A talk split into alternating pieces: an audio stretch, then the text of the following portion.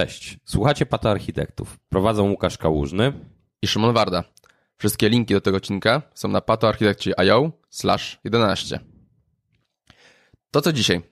Dzisiaj, Łukaszu, kończymy cały storage account z Azura, więc zostało nam Q-Storage. Mało używana funkcjonalność, ale całkiem fajna. Zanim do tego dojdziemy, linki. Co u Ciebie? Dobra, to z moich rzeczy ostatnie obwieszczenie w Amazonie do usługi, do ich Kubernetesa as a Service, czyli EKS-a. Doszła usługa, którą określiłem trochę mianem popełniania samobójstwa. Widziałem. I właśnie nie wiem, czyjego samobójstwa, ale o tym zaraz. Amazon wprowadził u siebie support produkcyjny Windows kontenerów i zrobił to jako pierwszy przed Microsoftem na usłudze. Tak, a to jeszcze nie jest w GA. Tak, w Microsoftie nie jest to w GA, nie jest General Ability, nie ma pełnego supportu, a Amazon stwierdził, że w swojej chmurze da na produkt Microsoftu pełne wsparcie, więc jestem ciekaw, czyim takim będzie to samobójstwem i czy ktoś z tego będzie korzystał tam w, w Amazonie. Na pewno ktoś skorzysta, ale ciekaw jestem z jakim skutkiem. Nie przeglądałem jeszcze dokumentów supportowych, jakie scenariusze, co jest dokładnie wspierane, bo może się okazać, że może nic tak poza naklejką. To może być ciekawy ruch w kierunku po wejścia w korporacje, no bo Azure siedzi w korporacjach całkiem nieźle, a WS trochę gorzej. Chociaż podobnie, podobnie moim zdaniem. W, Google chyba mają największe y, braki, jeżeli chodzi o korporacje. Zdecydowanie. Dobra, to teraz ja się czymś pochwalę. Całkiem fajny wpis yy, a propos bycia, rol, bycia architektem, tworzenia architektury w dużych korporacjach, tak Comcast. Czyli mówimy około 800 pracowników. E, ciekawy wpis o tym właśnie, jak się w ogóle zmieniła rola architekta, szczególnie w takich korporacjach, które są ogromne i tam nie możemy imperatywnie mówić ty rób to, ty rób to. Czyli jak zarządzanie, jak, e, jak zarządzać w ogóle pomysłami, jak mobilizować ludzi i tak dalej. Naprawdę ciekawy wpis. Porusza kilka rzeczy, które już mówiliśmy, typu właśnie o, e, o wpisach de, o, o, wpisach, które mówią, jakie były decyzje, z czego wynikały tak, i tak dalej. Czyli ADR-y. ADR-y, dokładnie. Y, po takie fajne tipy, które na przykład, to już że my już korzystamy w pracy, jak tworzenie kanałów na Slacku pod organizowanie grup, które tak, są w pewnym Tak, tak naprawdę te tak zwane working grupy, czyli patrząc się na teraz projekty open source'owe, na e, inne instytucje, tak jak e, Internet Engineering Task Force, że są budowane właśnie takie working grupy, które pozwalają w organizacji coś zdefiniować albo wypracować. Tak, i co jest ważne, ta working grupa jest otwarta dla wszystkich i wszyscy mogą dołączyć. To jest fajna opcja na szerzenie tego informacji, co właściwie robi ten architekt w firmie. Naprawdę dobre, dobry wpis. Dobra, Szymonie. No to teraz przejdźmy już do kolejki Q-Storage i w dwóch zdaniach. Co to jest Q-Storage? To jest bardzo prosta, beztransakcyjna, bardzo ważne, kolejka procesowana do terabajtu wiadomości. Dobra. Jedno zdanie. Tak, jedno. Nie będę się czepiał. Dobra, ale w Azurze oprócz Q-Storage, który w sumie jest bardzo podstawową kolejką, mamy też serwis Basa i nie uciekniemy od porównywania tego. Jakie są największe różnice? Jasne. Największa różnica jest taka, że Q-Storage to są tylko i wyłącznie kolejki. E, co więcej, tu jak mówimy o Service Busie, to musimy powiedzieć generalnie o tierach Service Busa, czyli różnych, różnych poziomach płatności. Service Bus na tym, na w standardzie wchodzimy już w topiki. Czyli w tym momencie mamy dużo, dużo więcej możliwości, jeżeli chodzi o PubSuba i tak dalej. Czyli jest cały PubSub zaimplementowany w, w Service Busie w przeciwieństwie do Q-Storage'a. Tak, już takie rzeczy typu odwlekanie wysyłania wiadomości w kolejce i tak dalej, i tak dalej. Dużo więcej feature'ów jest takich typowo messagingowych. Q-Storage jest prosta kolejka. Dobra, to czemu chcemy korzystać z tej prostej usługi? Naj, jednym z takich powodów, który możemy się dość mocno odbić od Azure, y, Azure Service Busa, to jest limit do 80 giga wiadomości w sumie na całej kolejce żyjących. Tak, jednocześnie znajdujących się tam. E, Q-Storage, jak już powiedzieliśmy, do terabajtów, nawet sam Microsoft mówi generalnie, że tam limitu nie ma. Limitem jest limit samego storage accounta. Kolejna rzecz to jest to, że z racji na to, że Q-Storage jest dużo prostszą usługą, latencja na, na zbieranie wiadomości jest dużo mniejsza. Około 10 milisekund, gdzie serwis bus ma tego 25 milisekund. To dalej są milisekundy, nie są to kolosalne wartości, Ale- dużej informacji to się zbiera. Tak, ale się łączą, jeżeli mamy tego przy obsłudze więcej. Tak. No i to jest kwestia, na co usługa jest optymalizowana. Q-Storage jest optymalizowany na dużą ilość wiadomości. Dobra. Bardzo fajnie opowiadasz i wygląda jakby y, można było zaoszczędzić i zawsze używać tego Q-Storage zamiast Service Busa. Jak to jest faktycznie? Faktycznie są takie limity, które mogą nas trochę bardziej odstraszyć. Przede wszystkim e, Q-Storage ma dużo niższy limit wielkości wiadomości, to jest 64 kilo, gdzie Service Bus ma, w zależności od mm, poziomu płatności, ma do pół mega wielkość wiadomości. Do dwu, w premium chyba nawet do, dwu, do dwóch czy do mega, bo ja zawsze... Chyba to mi się... E, trzeba będzie sprawdzić generalnie, tak. E, jak już mówiliśmy, że Q-Storage, Q-Storage ma, pewnie czy nie ma, jest dużo prostszym systemem, to nie ma topików. To jest najczęstszy powód, którego możemy się odbić, stwierdzić, że Q-Storage nie jest kompletnie dla nas. Nie mamy też bardzo ważnego elementu, mianowicie obsługi dead letter queue. To nie znaczy, że nie, tego się nie da zrobić, tylko znaczy to, że kolejka nam tego nie obsłuży, będzie musiał tym się zająć klient. I to jest dość ważne. Tak, chyba jedną rzeczą, którą trzeba dorzucić przy braku tego, mimo że jest to głupia kolejka, głupie FIFO, y, to jeżeli wiadomość zostanie zwrócona, bądź po prostu wy- y, wygaśnie, no to mamy liczbę pick-upów, podniesienie ich z kolejki jest w metadanych oznaczane, ile razy była pobrana. Tak, dzięki temu właśnie klient może ogarnąć kwestię, ok, to wiadomość była pobierana już, nie wiem, pięć razy, to już przerzucamy nową kolejkę do, do, do. Zgadza się. Kolejnym elementem, który wydaje się bardzo być straszny, jeżeli chodzi o Q-Storage, to jest brak transakcyjności. I tutaj większość ludzi robi, ło, to już jest nie, nie do wykorzystania. Nie, dobra, ale co, to trochę, bo transakcyjność i kolejka zawsze ludziom się z mojej perspektywy chyba myli. No i właśnie, czy ten brak transakcyjności to oznacza, że nie mamy pewność, czy kolejka, czy wiadomość trafiła na kolejkę? Nie, to trzeba się, to jest, to właśnie co powiedziałem, to jest taki straszak. Często ludzie czytają ten wpis i jest, ojej, już nie, nie wykorzystujemy. A trzeba rozdzielić dwie rzeczy. Transakcyjność i atomowość.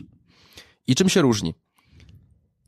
Atomowość to jest pewność, że operacja się wykonała, pojedyncza operacja. To oczywiście mamy, po połączeniu z HTTP dostaniemy odpowiednią odpowiedź. Transakcyjność to jest możliwość wykonania wielu atomowych operacji w jednym batchu. Czyli kazaliśmy dodanie, wysłanie wielu wiadomości na wiele kolejek i powiedzenie naraz, że ok, to wyślij je wszystkie. Tak, albo w jakimś zaawansowanych scenariuszach potem e, czekanie na zwrotne odpowiedzi, zapinanie sesji, tak zwanej sesyjności. Tak, rollbackowanie, powiedzenie, że na te wiadomości wysyłam, ale ich nie wysyłam. Mm, Mam bardzo mieszane uczucia. Z reguły uważam, że tej transakcyjności nie potrzebujemy.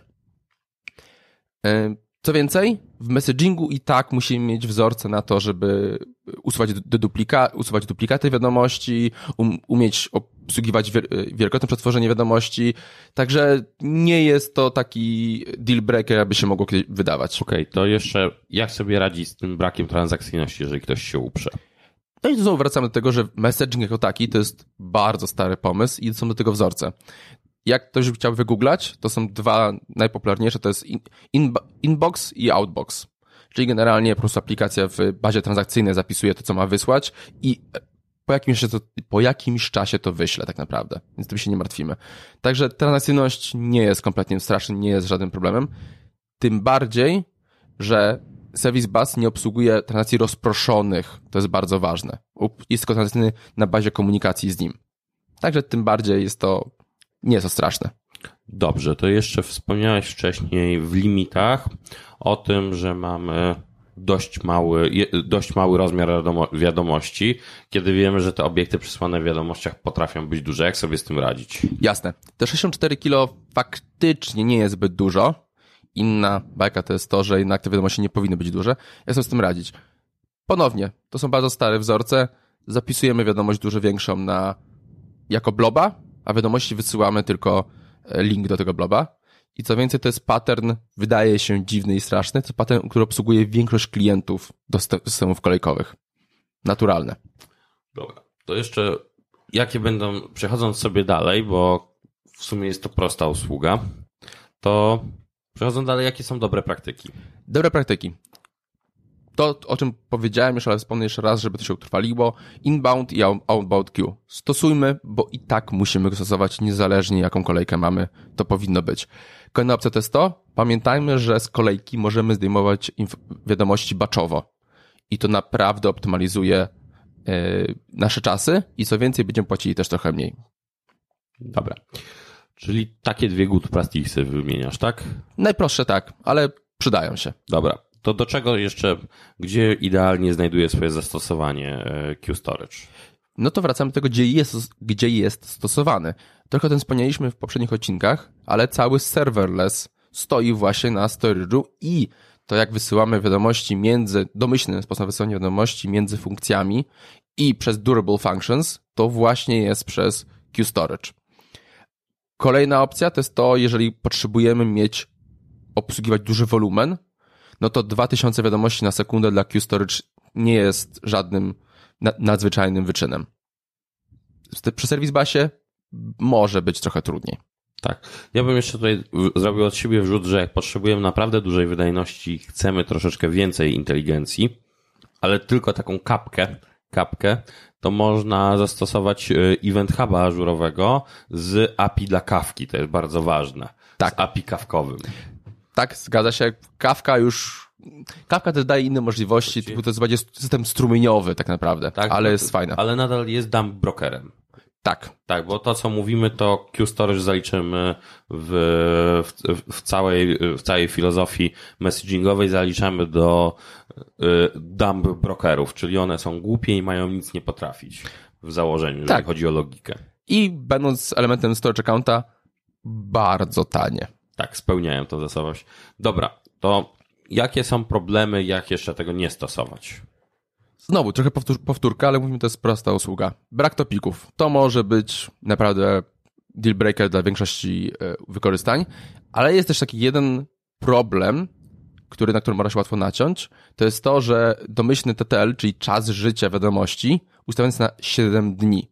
Kiedyś tego nie można było zmienić i to był maksymalny, czyli po tym czasie usuwała, usuwała wiadomości. Obecnie jest tak, że jak przypiszemy wartość minus 1, to już wiadomość żyje w nieskończoność. I o tym trzeba pamiętać, bo możemy nagle zacząć gubić wiadomości. Prawda jest taka, że wiadomość nie powinna żyć dłużej niż 7 dni, ale życie pokazuje, że może być różnie. Czyli powinniśmy obserwować te ilość elementów w kolejce i co się dzieje w systemie. Tak, monitorowanie przy systemie kolejkowym to jest absolutny must have. Dobra. Czyli sobie patrząc się na to, mówiliśmy o teraz w tym odcinku, jak i w poprzednich mówiliśmy o całym storage accountu, czyli o accouncie, czyli mamy tam bloby, e, kolejki, tabele i to, co teraz opowiadamy, mamy z tym problem, że nie wszystkie funkcje są dobrze znane. Tak. No to co chciałbyś, żeby było używane więcej w, w całym storage accouncie? Wiesz co, patrząc się o tym, to na pewno będzie to sposób obsługi dostępu, tak z punktu widzenia bezpieczeństwa, bo to jest zaniedbane. Druga rzecz, którą będę powtarzał do znudzenia, że mimo, że to jest blob, to nie jest file system. Mimo, że tam mamy obiekty i pliki, to nie jest file system. No i ostatnią rzeczą chyba z moich takich to świadomość, jak jest SLI wysoką dostępnością w aplikacji.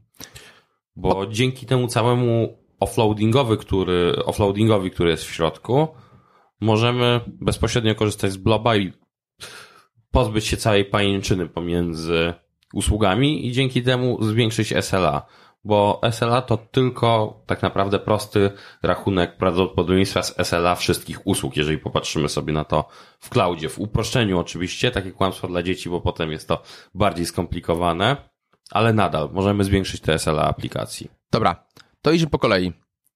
Rozwin temat dostępu. Dobra, to z tematem dostępu, jeżeli sobie popatrzymy, to jest kilka scenariuszy.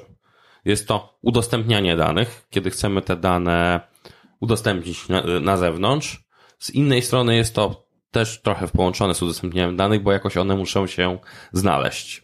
I będzie to właśnie taka interakcja, czy to y, rozróżniając tą interakcję, interakcja z klientem, czyli z osobą, która może być na przykład dostawać się z frontendu naszej aplikacji, bądź z innego naszego modułu dostawać się do i wrzucać te pliki, bądź je pobierać, bądź nadawać komunikaty do, y, do kolejki. Inną taką bardziej masową będzie przyjmowanie danych. I to, co mówiliśmy w kontekście w pierwszym chyba odcinku na temat JPK, czyli tego jednolitego pliku kontrolnego, który pokazuje ten scenariusz usługi publicznej, która służy masowo do przyjmowania przez, przez y, Ministerstwo Finansów i Urząd Skarbowy właśnie plików od przedsiębiorców ze wszystkim, co trzeba. No i końcówką będzie tego składowanie i obsługa w backendzie tego, bo tutaj mówimy, teraz mówimy o scenariuszach takich frontowych, ale też cała interakcja, która znajduje się potem w backendzie. I tutaj, co istotne jest, można zacząć od tego udostępniania trochę, to Blob pozwala na przykład na anonimowy dostęp, czyli możemy go wystawić do świata bez żadnej autoryzacji. Ale albo... zaznaczmy tu jedno, że Blob domyślnie jest prywatny, tak. W, Aż, w AWS kiedyś był publiczny i było z tego sporo wycieków danych. Właśnie tak. Tutaj się nie powiem Ci, jak było w AWS-ie. Raczej w AWS-ie było dużo osób przestawiało, żeby nie męczyć się z dostępami e, w IAM-owymi dostępami. Tak, ale domyślnie był publiczny. To... Teraz, teraz, teraz zmienili i domyślnie już jest prywatny. Poszli po, strodze, okay, po stronie Azura. jak były e, bakety. Kontenery w Azurze są, od zawsze były prywatne i przy tym takim bezpośrednim dostępie do tego, z przeglądarki na przykład, to ważne możemy ustawić yy, mime type na mhm. naszym obiekcie, czyli dzięki mime na przykład przeglądarka rozpozna, co jest do niej wysłane, że to nie będzie po prostu stream byte'ów razem z rozszerzeniem pliku, że się domyśli, tylko wykorzysta swoje natywne możliwości, czyli zacznie, że to jest PDF na przykład, czy obrazek, to przetworzy to we właściwy sposób i na przykład pokaże nam. No i z innej strony dzięki temu publicznemu dostępowi możemy też wystawić właśnie nasze statyczne pliki. Możemy wystawić poprzez CDN, czyli łatwo to jest zapiąć na, przed CDN-em i zmniejszyć sobie te koszty transferu. I czasy dostępu, bo tak. CDN-y są rozproszone geo i naprawdę można bardzo ładnie ściąć czasy dostępu. Tak, dokładnie.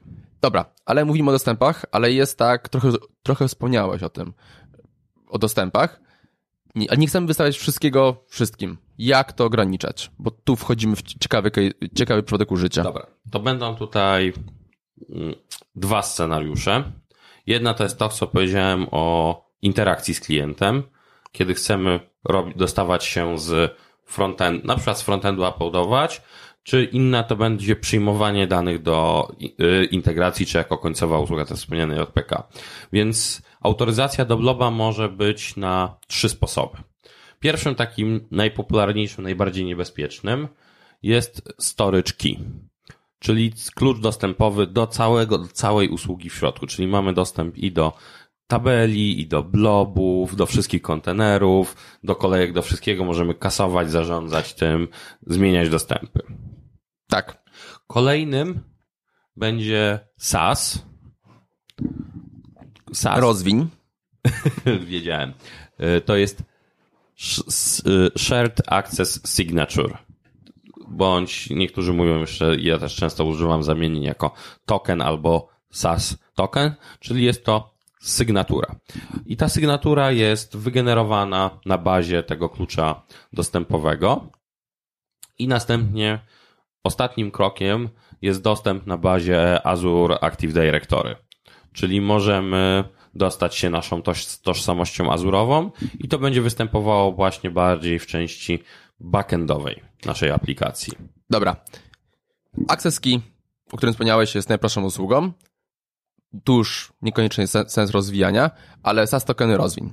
Dobra, to SAS token jest e, sygnaturą, jest tam, jest on podpisem, czyli podpisujemy nasz request do czegoś konkretnego, do konkretnego bloba, do konkretnej tabeli, bo możemy też dostać się dzięki temu do tabeli do kolejek i delegujemy tam jakieś uprawnienia do odczytu zapisu listowania na jakiejś ścieżce.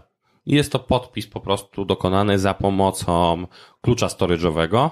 Jest to podpis wykonany tam będzie algorytm e, HMAC, HMAC mhm. używany.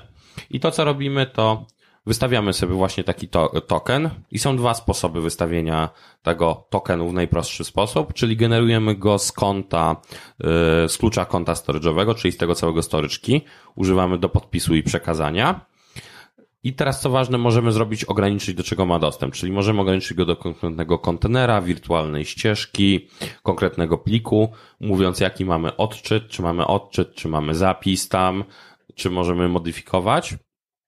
Możemy ograniczyć go czasowo i to jest właśnie bardzo dobra rzecz.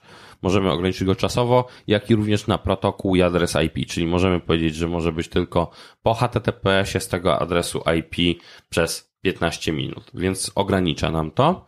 I dla mnie genialną rzeczą, bo wspominając teraz o SLA, jest to, że token można wydawać bez dostępu do samego storage'u. Czyli jeżeli wykorzystujemy token generowany z storyczki, nie musimy w ogóle mieć dostępu online'owego do storage accountu i nie mamy z nim żadnej integracji.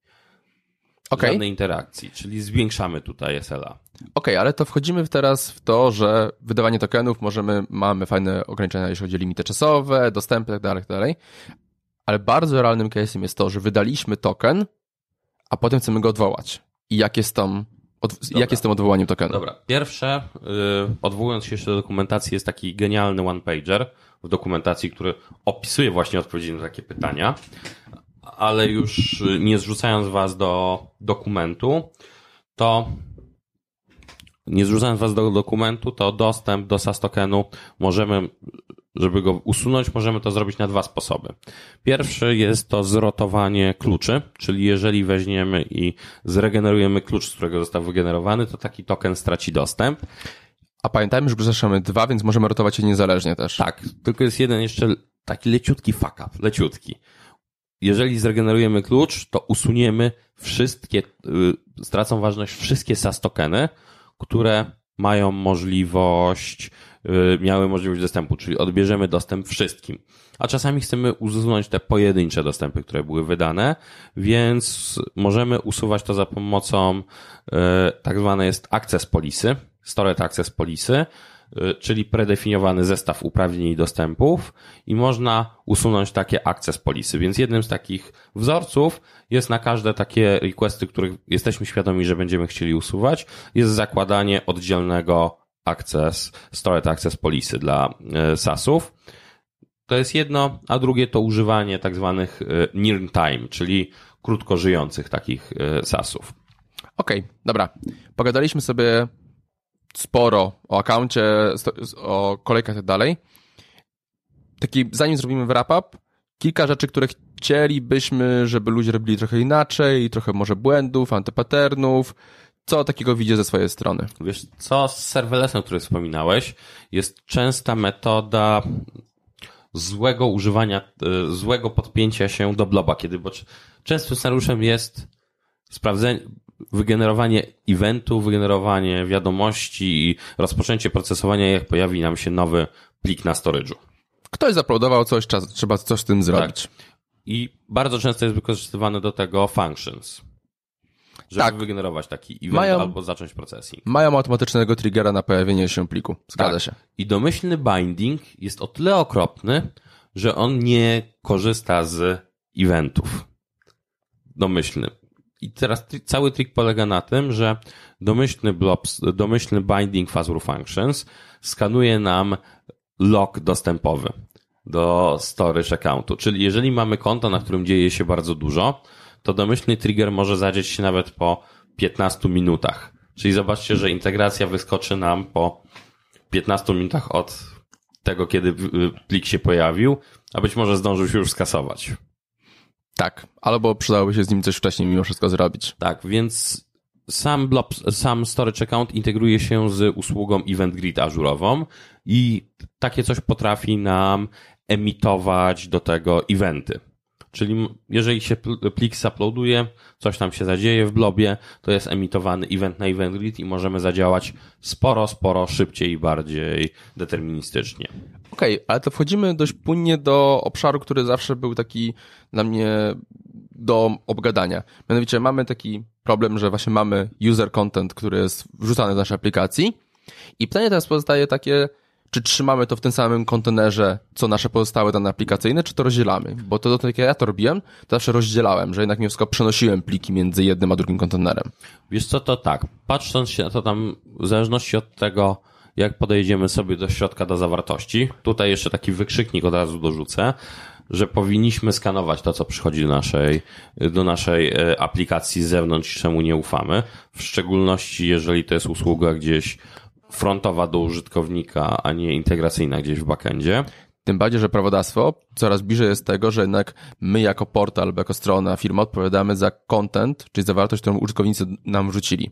Tak, więc jeżeli warto sprawdzić ją sobie za pomocą, w zależności co to jest, sprawdzić zawartość są usługi, tak jak w Azure w Cognitive Services jest tak zwane y, Moderation API, gdzie można sprawdzić sobie, czy zawartość jest zgodna, czy niezgodna z tym, co potrzebujemy.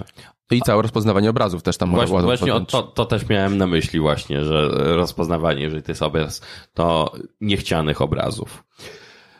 I właśnie rozdzielenie tego osobiście tak, też preferuję rozdzielić. Jeżeli to jest gdzieś, w szczególności frontem, pro, yy, wolę to rozdzielić, bo przyjmować możemy do jednego kontenera, a potem rozrzucać to po wielu. I co ważne, jednym ze wzorców w ogóle skalowania jest potem używanie wielu storage account, żeby się yy, horyzontalnie yy, skalować. Jak, tak? Tak. Powoli będziemy się zbierali, bo chciałem jeszcze powiedzieć o dostępach. Mianowicie powiedzieliśmy o dwóch metodach dostępu. Zostało nam jeszcze dostęp z Azure Active Directory. Tak, i dobra, to z Azure Active Directory. To tu mamy taki element, który będziemy, będziemy mówili o kompromisie. Ponieważ domyślnie te, e, e, te akceski są bardzo, są domyślnie są bardzo, bardzo fajne, ponieważ właśnie nie musimy sięgać do żadnej dodatkowej usługi. Tak. Za to AAD daje nam duże bezpieczeństwo. I wygodę, jak I się wygodę, zrobi dobrze. Tak, bo możemy w łatwy sposób się tutaj, możemy tutaj w łatwy sposób się dostać. Czyli takim, jeżeli bym powiedział w backendzie, jeżeli nie patrzymy aż bardzo na te SLA i powiąza- tą sieć powiązań, to z punktu widzenia security yy, dostawanie się poprzez AAD jest najlepszym możliwym wyjściem. Zgodzę się jak mówimy jeszcze o dostępach o, a propos AAD, to jak tam dalej mam jakieś klucze, to ja się wtrącę z dobrym zaleceniem. Korzystajmy z Key Vaulta żurowego, do którego możemy się dostawać przez serwis Principala i mamy ładne obudowanie dostęp. Tak, i to jest moja dru druga rzecz, którą chciałem powiedzieć. Ubiegłem. Tak, ubiegłeś. druga rzecz, którą chciałem powiedzieć, czyli że jeżeli idziemy na kompromis, czyli chcemy wykorzystywać te klucze do, od storage accountów, to umieśćmy je w Key Vaulcie. Czyli trzymajmy je, dostaniemy się i pobierzmy sobie ten klucz z Kivolta, a nie bezpośrednio z usługi, albo co gorsza, trzymajmy go w konfigu. Pozwoli nam to ładnie to potem zmienić klucz, wyrotować i wiadomo, gdzie jest korzystany, czyli możemy nawet zmienić potem przez takiego Kivolta storage, którego używamy, jeżeli tam też znajduje się jego nazwa jako secret, bo często jest, Kivolt jest też wykorzystywany jako store konfiguracyjny. Tak, i Keyvolt ma już bardzo rozbudowane polityki dostępu i tam można naprawdę fajne rzeczy zrobić, no bo to jest usługa do tego właśnie. Okej, okay. dostępy chyba żeśmy już załatwili, to jeszcze teraz kolejna pozycja, wysoka dostępność. Dobra, to przy wysokiej dostępności. W poprzednich odcinkach mówiliśmy, że storage ma replikację. Ma swoją replikację na y, lokalną, regionalną. I przy tym, kiedy jesteśmy poza lokalną replikacją w ramach data center, to teraz jest taka bardzo ważna rzecz. W Azure replikacja nie jest transakcyjna i nie mamy na nią wpływ i nie wiemy, co, jest, co się dzieje. I przez to musimy mieć świadomość, że jeżeli występuje awaria, to nie wiemy, w jakim stanie zostały zreplikowane nasze dane do drugiego regionu. Nie możemy sobie od tak sprawdzić, sprawdzić yy, integralności tych danych i to jest zreplikowane. I w momencie nagrywania jest aktualnie w preview jest funkcja do samodzielnego failoveru całego konta. Czyli możemy zrobić failover całego konta samodzielnie. Jest ona w preview, tylko teraz jest problem spójności danych. Czy my będziemy chcieli wykonać ten failover, czy nie? I to jest teraz pytanie biznesowe, czy powinniśmy ryzykować, czy nie. A czy no tak samo jak jest z backupami i z, Tak. z testowaniem failover center. Musimy to robić, bo inaczej nie wiemy w ogóle w jakim stanie możemy być. Tak, jest jedno. No i jeszcze jest jeden typ, który jest przydatny, czyli Georead Access, bo można się dostawać wtedy do danych w drugim regionie y, tylko do odczytu. Ja to stosuję w bardzo brzydkim triku, na przykład do robienia backupów y, z bloba przyrostowych w drugim regionie, żeby było taniej, czyli da się ściągnąć te danie, dane z tej y, kopii, która jest tylko do odczytu w drugim regionie i nie płacić podwójnie czy potrójnie za transfer. I też oszczędzasz też na czasie, bo jak wszystko odczytywanie danych z danego regionu jest dużo tań, dużo szybsze. Dobra, zbierajmy to. Good practices. To ja zacznę od tego, że trochę nawiązując do nazwy w AWS-ie e, S3, gdzie swego czasu bardzo dużo lików występowało właśnie z AWS-a, czyli security, security, security. Zastanówmy się nad tym, jak chcemy to udostępnić. Tak. Z mojej strony podkreślę to, co, to, co ty powiedziałeś, czyli SAS tokeny i dostęp do blobów. Nie w formie takiej właśnie naj, najprostszej, tylko właśnie jak powiedzieliśmy, mają od groma opcji i korzystajmy z nich. Żeby nie było takiej opcji, że dajemy permanentne dostępy i zawsze do admina, bo jest łatwiej. W formie testów i jak robimy pierwszą, pierwszy kawałek kodu, to to ma sens, ale potem pamiętajmy, żeby te dostępy ciąć coraz bardziej. Czyli podchodzić rozsądnie. Tak, Tak, i rzucając to, te sasy dają właśnie nam pełny offloading. Jest jedna rzecz, która teraz mi się przypomniała, nie wspomnieliśmy, a warto. Te Mhm. API jest zaawansowane z tyłu w blobie i na przykład możemy zrobić offloading całego kopiowania danych pomiędzy storage accountami, żeby one same ze sobą kopiowały, Tak. czyli nie trzeba ich pobierać i uploadować, więc mamy dużo rzeczy do offloadingu. No i ostatnia rzecz ode mnie to, jeżeli potrzebujemy tych eventów przy integracjach, w storage'u, no to w środku mamy event grid, który warto zastosować. Tak, systemów do messagingu uważam, że jest sporawo. Każdy ma swoją niszę i każdy ma swoje miejsce jak najbardziej. Dobra, podsumowując, co jest u ciebie? Dobra, to ja się wtrącę w twoją rzecz, czyli kolejki. Jeżeli chcemy użyć po prostu kolejki FIFO i jest ona potrzebna, to storage jest idealny, bo jest właśnie jest tani, szybki i uczy dobrych praktyk. I dokumentacja właśnie też to dobrze pokazuje. Tak, z mojej strony pamiętajmy, że z pewnych podstaw wynikają inne rzeczy. Mianowicie dostęp do całego storage accounta jest po HTTP. Co to implikuje? Także do kolejek możemy wrzucać wiadomości z frontendu i są do tego biblioteki, więc to nie jest jakiś hack, to jest zachowanie, które jest w pełni dopuszczalne. Tak samo tabele, o których wcześniej wspominaliśmy. Dokładnie to samo, tak. No i Microsoft ma pod to gotowe nawet biblioteki do frontendu na bazie właśnie SAS tokenów interakcji ze storage accountem. Tak, będzie działało. Dobra, i mówiąc o całości storage accountu i podsumowując chyba wszystkie nasze nagrania, bo więcej o storage accountach w najbliższym czasie nie będziemy nagrywać, to nawet jak nie potrzebujesz tych zaawansowanych funkcji, to przeczytaj do, tą dokumentację, bo uczy ona dobrych rzeczy. Można się z niej nauczyć bardzo dużo i kolejny raz, tak na koniec, to nie jest tylko głupi file system i nie obsługujemy go w ten sposób. Tak, miało być no 20-minutowe nagranie, wyszły trzy odcinki. Dokładnie. Dobra, to kończymy. Kończymy. Na razie. Na razie.